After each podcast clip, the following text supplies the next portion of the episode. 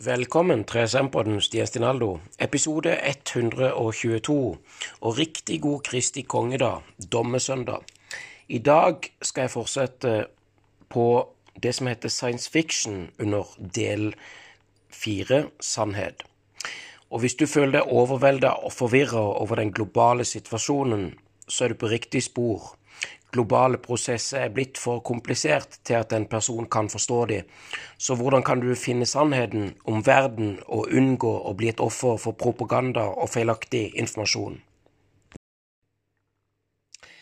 18. Science fiction. Fremtiden er ikke det du ser på film. Mennesker kontrollerer verden fordi de kan samarbeide bedre enn noe annet dyr. Og grunnen til at de kan samarbeide så godt, er at de tror på oppdikta historier diktere, malere, dramatikere og er følgelig minst like viktig som soldater og ingeniører. Folk går ut i krig og bygger katedraler fordi de tror på Gud, og de tror på Gud fordi de har lest dikt om Gud, har sett bilder av Gud, og de er blitt fengsla av teaterstykket om Gud. Og så tro på den moderne kapitalistmytologien er understøtta av Hollywood kunstneriske verk og popindustrien. Vi tror at vi vil bli lykkelige hvis vi kjøper flere ting fordi vi har sett kapitalparadiset med egne øyne på TV. I begynnelsen av det 21. århundret er science fiction kanskje den viktigste kunstneriske sjangeren. Det er svært få som leser de siste fagartiklene om maskinlæring eller genteknologi.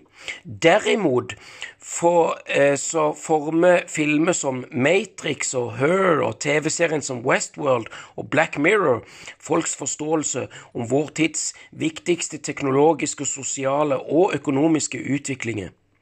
Dette betyr også at science fiction må ta et mye større ansvar for hvordan sjangeren skildner vitenskapelige virkeligheter for ikke å gi folk gale oppfatninger eller bidra til å bli opptatt av feil problemstillinger. Som nevnt tidligere kapitlet er kanskje vår tids science fictions største synd at han har en tendens til å forveksle intelligens med bevissthet. Resultatet er at den er altfor opptatt av en potensiell krig mellom roboter og mennesker. Og når vi faktisk når det vi faktisk bør frykte, er en konflikt mellom en liten supermenneskelig elite styrka av algoritme og en stor underklasse av svekka Homo sapiens, når vi skal tenke på en framtid med kunstig intelligens, er Karl Marx fremdeles en bedre veileder enn Steven Spielberg. Mange filmer om kunstig intelligens ligger faktisk så langt fra den vitenskapelige sannheten at man får mistanke om at de bare er algorier for helt Hæ? Alle kategorier for helt andre bekymringer. Filmen Ex Machina fra 2015 ser f.eks. ut til å handle om en kunstig intelligensekspert som forelsker seg i en kvinnelig robot, for så å bli ført bak lyset og manipulert av henne. I virkeligheten er ikke det en film om menneskets frykt for intelligente roboter, men om mannens frykt for intelligente kvinner og spesielt frykten for kvinnefrigjøring skal føre til kvinnelig herredømme. Hver gang du ser en film om kunstig intelligens der kunstig intelligens er kvinnelig og forskeren en mann, så kan du regne med at filmen egentlig ikke handler om cybernetikk, men om feminisme.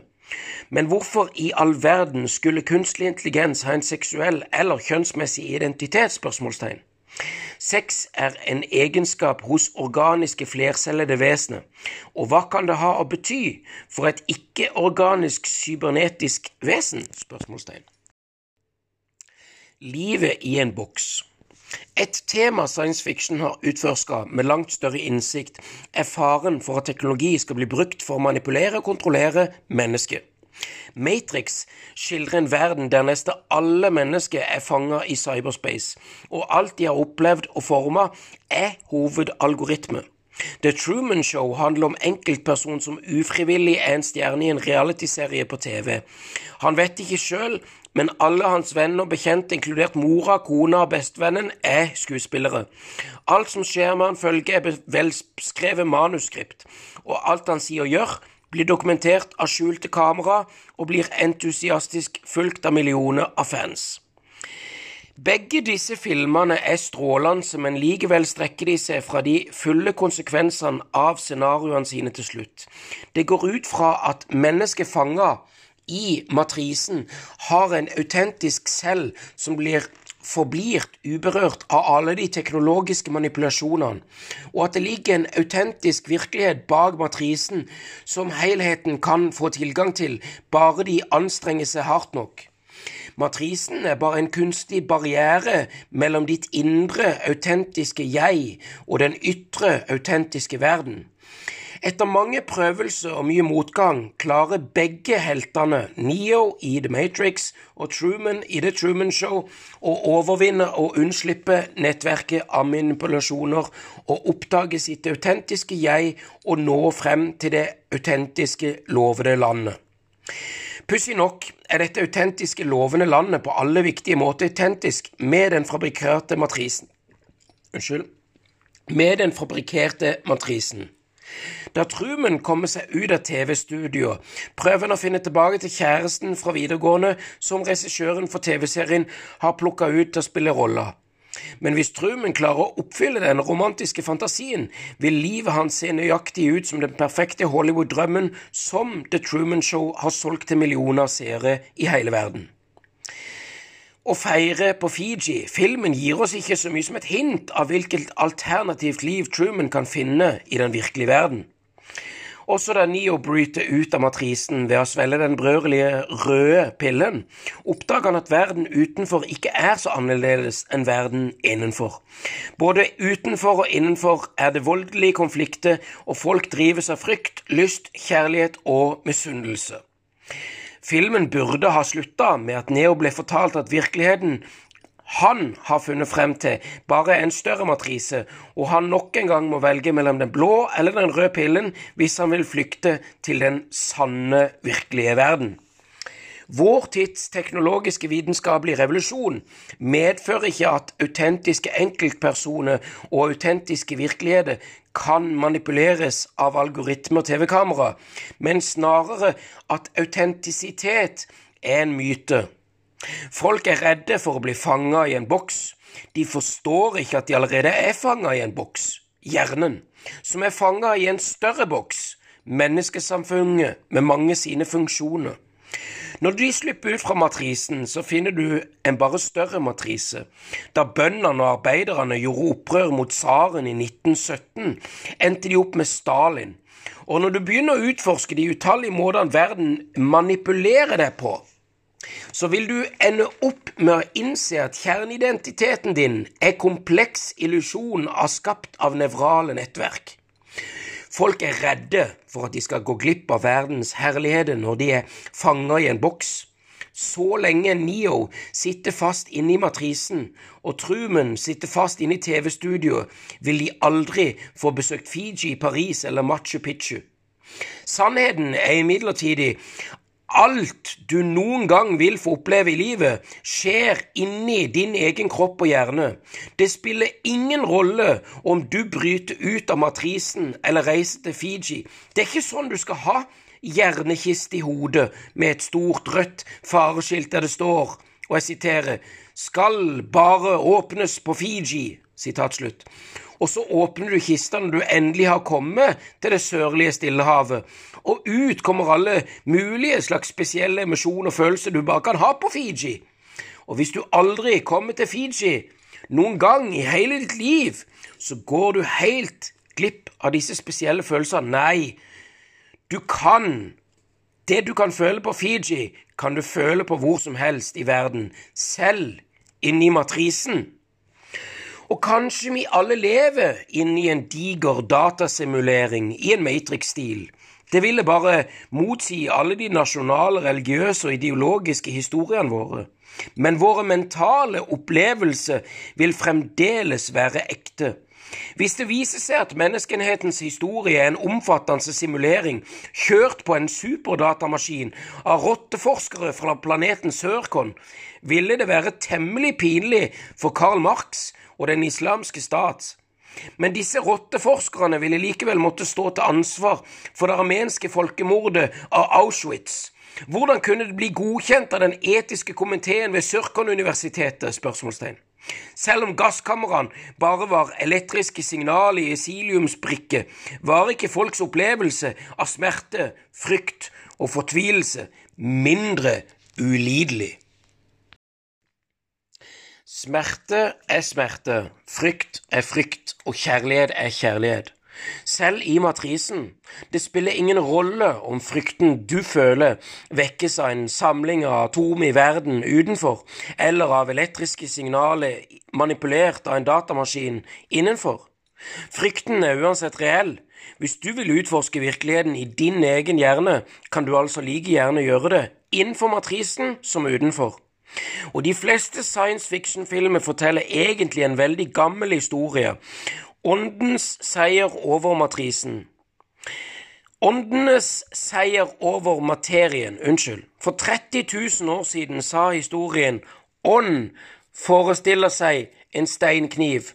Hånd skaper en kniv, men mennesker dreper mammut.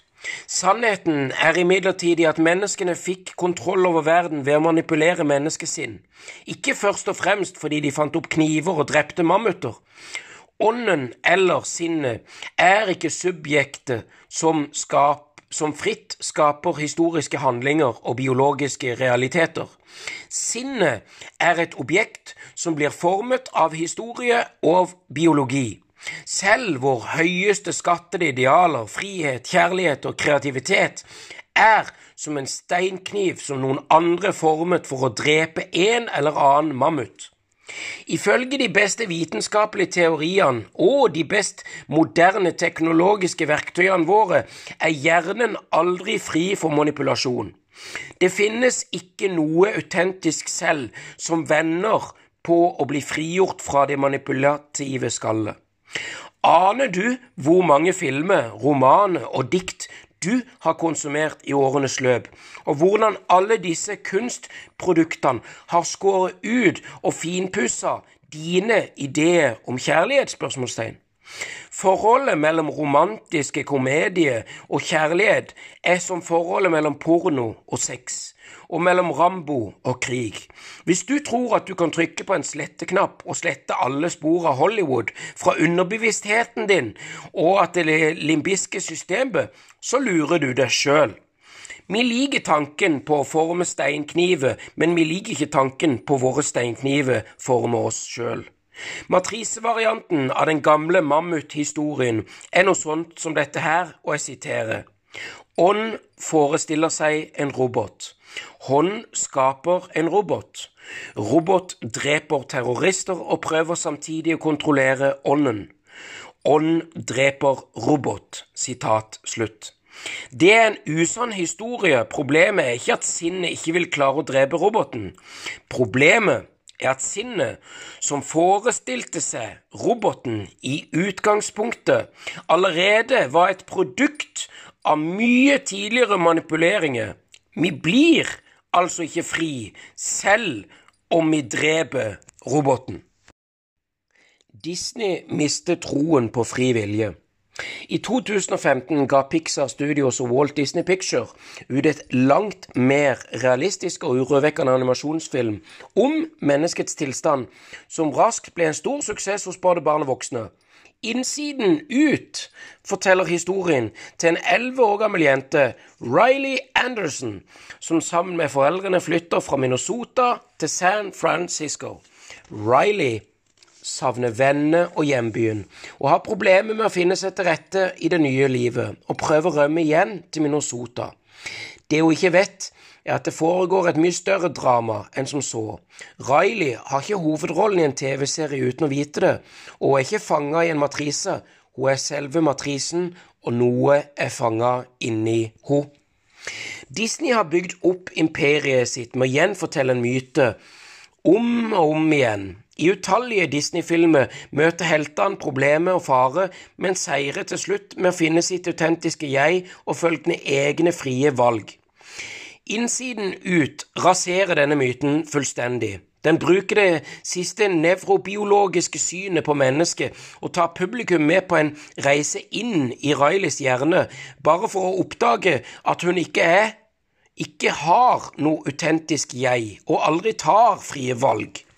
Riley er faktisk en stor robot som styres av en samling motstridende biokjemiske mekanismer som filmen personifiserer som søte tegneseriefigurer den gule og muntre glede, den blå og gretne sorg, den hissige sinne osv. Å manipulere noen knapper og spaker i hovedkvarteret, mens figuren følger alt Riley gjør på en stor TV-skjerm, kontrollerer de alle humørsvingningene, avgjørelsene og handlingene hos sine. Grunnen til at Riley ikke klarer å finne seg sjøl til rett i San Francisco, er en tabbe i hovedkvarteret som truer med å sette hjernen hos sin helt ut av balanse. For å rette opp denne tabben så legger glede og sorg ut på en episk reise gjennom hjernen til Riley. Følger tankegangen, utforsker ubevissthetens fengsel og besøker det indre studioet der kunstneriske nevroner er travelt opptatt med å lage drømmer. Men vi følger disse personifiserte biokjemiske mekanismene i det innerste av Rileys hjerne, så møter vi ikke en eneste sjel, noe autentiske selv eller fri vilje. Det avgjørende øyeblikket som hele plottet bygger opp til, kommer faktisk ikke når Riley oppdager sitt autentiske jeg, men når det blir klart at Riley ikke kan identifiseres med hjelp av en enkelt kjerne, og alt velværet hennes er avhengig av samspillet mellom mange ulike mekanismer. I begynnelsen blir publikum ledet til å identifisere Riley med hovedpersonen, den gule og muntre glede. Etter hvert så viser det seg at det var derimot den katastrofale tabben som trua med å ødelegge livet hennes. Glede tror at hun, og bare hun, er Rileys autentiske kjerne, og herser med alle de andre indre rollefigurene.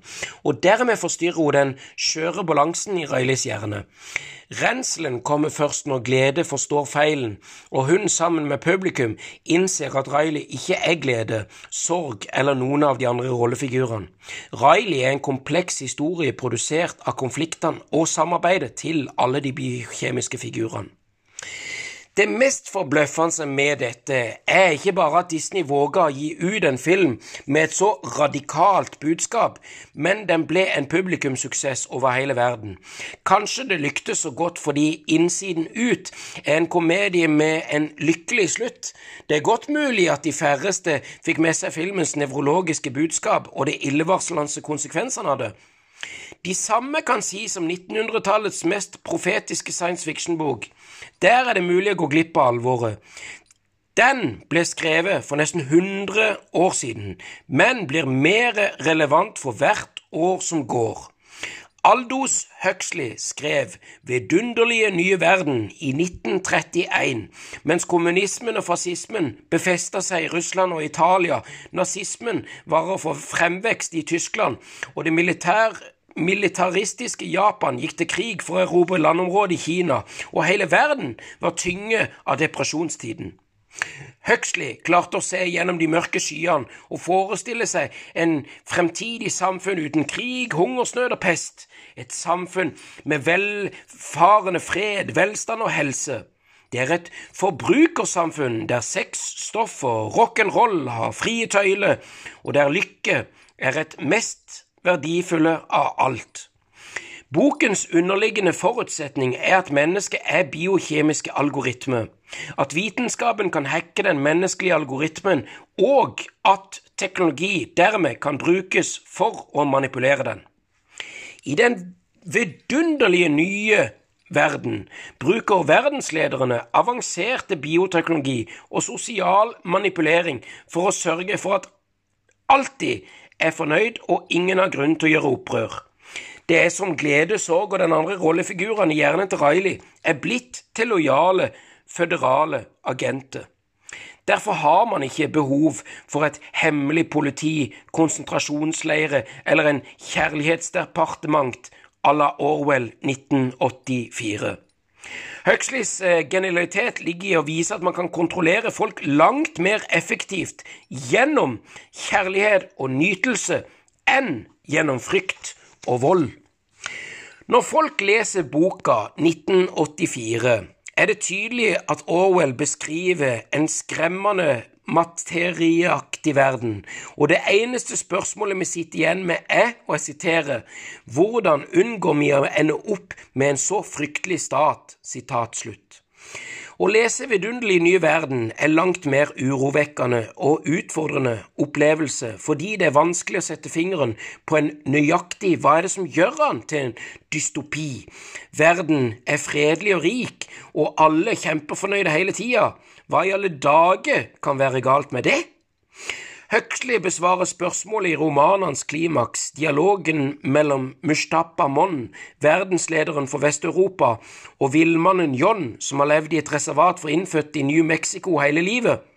Og det eneste andre i London og, og er den eneste andre i London som fremdeles vet noe om Shakespeare og Gud. Da vil mannen John prøve å få Londons befolkning til å gjøre opprør mot systemet som kontrollerer de, reagerer de med fullstendig apati. Men politiet arresterer han og tar han med til Mustapamon. Verdenslederen tar en hyggelig prat med John og forklarer at hvis han insisterer på, på å være antisosial, bør han komme seg til øde sted og leve som en eneboer. John stiller spørsmål med styene som ligger bak den globale orden, og anklager verdenslederne for at de i sin higen etter lykke har eliminert ikke bare sannhet og skjønnhet, men alt som er edelt og heroisk i livet. Min kjære venn, sa Mustasha Mon, sivilasjonen har absolutt ikke bruk for edelhet og heroisme, de er symptomer på politisk ineffektivitet. Og i det fullkomne organiserte samfunn som vårt har ingen noen mulighet for å være edel og heroisk. Forholdene må bli gjennom ustabile før det kan bli leilighet til å bli utøvet den slags. Hvor det er kriger, hvor det er konflikt mellom plikt og egeninteresse, hvor det er fristelser å motstå objekter for kjærlighet og som skal kjempes for eller forsvares der, har selvsagt edelhet og erisme en viss mening. Men det er ingen kriger nå til dags. Det treffes de mest omfattende forholdsregler for at ikke noen skal elske eller annen for meget. Det finnes ikke noe som heter konflikt mellom plikt og egeninteresser. Alle er kondisjonert slik at de ikke kan la være å gjøre akkurat det de skal gjøre. Og det har å gjøre et stort sett så behagelig, så meget av ens naturlige instinktsenergi er gitt fritt spillerom at det ikke blir noen fristelser å motstå. Og hvis det er nå allikevel ved et uhell skulle oppstå ubehageligheter, så har man Soma, som man kan fri en fra ubehageligheten. Og en har Soma til å dempe vrede, til å forsone venner, til å gjøre en tålmodig og utfoldende. Og i fortiden kunne en bare klare den slags ved en kraftig mental anstrengelse. Og etter år av moralsk opplæring, nå til dags svelger man to eller tre halvgrams tabletter, og det er hele er i orden. Alle kan være moralske nå, men vi kan bære minst halvparten av sin moral med seg i en flaske. Kristendom uten tårer, det er soma. Men tårer må til det. Husker de ikke hva Otella sa? Hvis det etter hvert storm kommer en slik stillhet, måtte da stormen blåse til det vekker døde.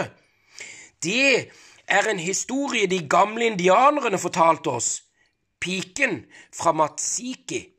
De unge mennene som ville gifte seg med henne, måtte gjøre en formiddags jordarbeid i hagen hennes. Det så lett ut, men det var fluer og mygg og trolltøy. De fleste av de unge menneskene holdt ikke ut slik som de bet og stakk.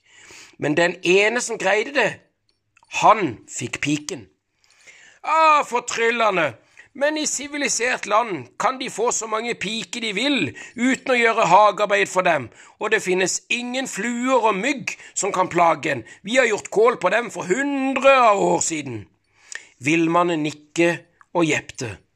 De har gjort kål på dem, ja, det er akkurat lik dere, kvitte seg med alt som er behagelig, ubehagelig, istedenfor å lære seg å motstå det, enten det er det edleste og tårer, en hard skjebnes mange tilskikler eller gå til kamp mot en hær av vanskeligheter og nedkjempe dem, men det gjør ikke noen av delene, verken lider eller kjemper. Dere bare gjør kål på alt sammen. Det er for lettvint. Hvis dere trenger fortsatte villmannen, er noe med tårer til avveksling, er det ikke noe i dette å leve farlig? Det er en hel del i det, svarte verdenslederen. Menn og kvinner får sin adrenalinstimulans fra tid til annen. Hva? spurte villmannen uforstående. Det er en betingelse for fullkommen helse. Det er derfor vi har VLS, behandlingen obligatorisk. VLS? Ja, voldsomme lidenskapssurrogat. Regulært en gang om måneden så oversvømmer hele systemet med adrenalin. Det er den fullkomne fysiologiske ekviliant for angst og raseri. Alle de stimulerende effektene som oppstår ved å myrde Desdemona og bli myrda av Otella uten noen av ubehagelighetene. Men jeg liker ubehageligheter. Vi gjør ikke det, sa verdenslederen. Vi foretrekker å gjøre saken uten bråk og i all gemyttlighet. Men jeg vil ikke ha gemyttlighet. Jeg vil ha Gud. Jeg vil ha poesi. Jeg vil ha virkelig fare. Jeg vil ha frihet. Jeg vil ha det gode. Jeg vil ha synden. I virkeligheten, sa Mustapamon, gjør de krav på retten til å være lykkelig. Ja vel, så gjør jeg det, sa villmannen trasig. Jeg krever retten til å være lykkelig, til å være ulykkelig. For ikke å tale om retten For ikke å tale om retten til å bli gammel, stygg og impotent, retten til å ha syfilis, kreft, retten til å leve i en stadig angst for det som kan hende i morgen, retten til å gå tyfus, retten til å bli pint, unevnelig plaga av enhver art. Det var stille, lenge. Jeg gjør krav på alt det sammen, sa villmannen til slutt. Mustafa Mon trakk på skuldrene. Vel bekomme, sa han. Villmannen John trekker seg tilbake til den øde villmarka og bor som eremitt der. Etter mange år i indianreservat der han ble hjernevaska av Shakespeare og religion, er han programmert til å avvise alle det moderne livets velsignelse. Men ryktene om en så uvanlig og spennende mann sprer seg som ild i tørt gress. Og folk strømmer til for å se på han og registrere alt han gjorde, og snart blir han berømt.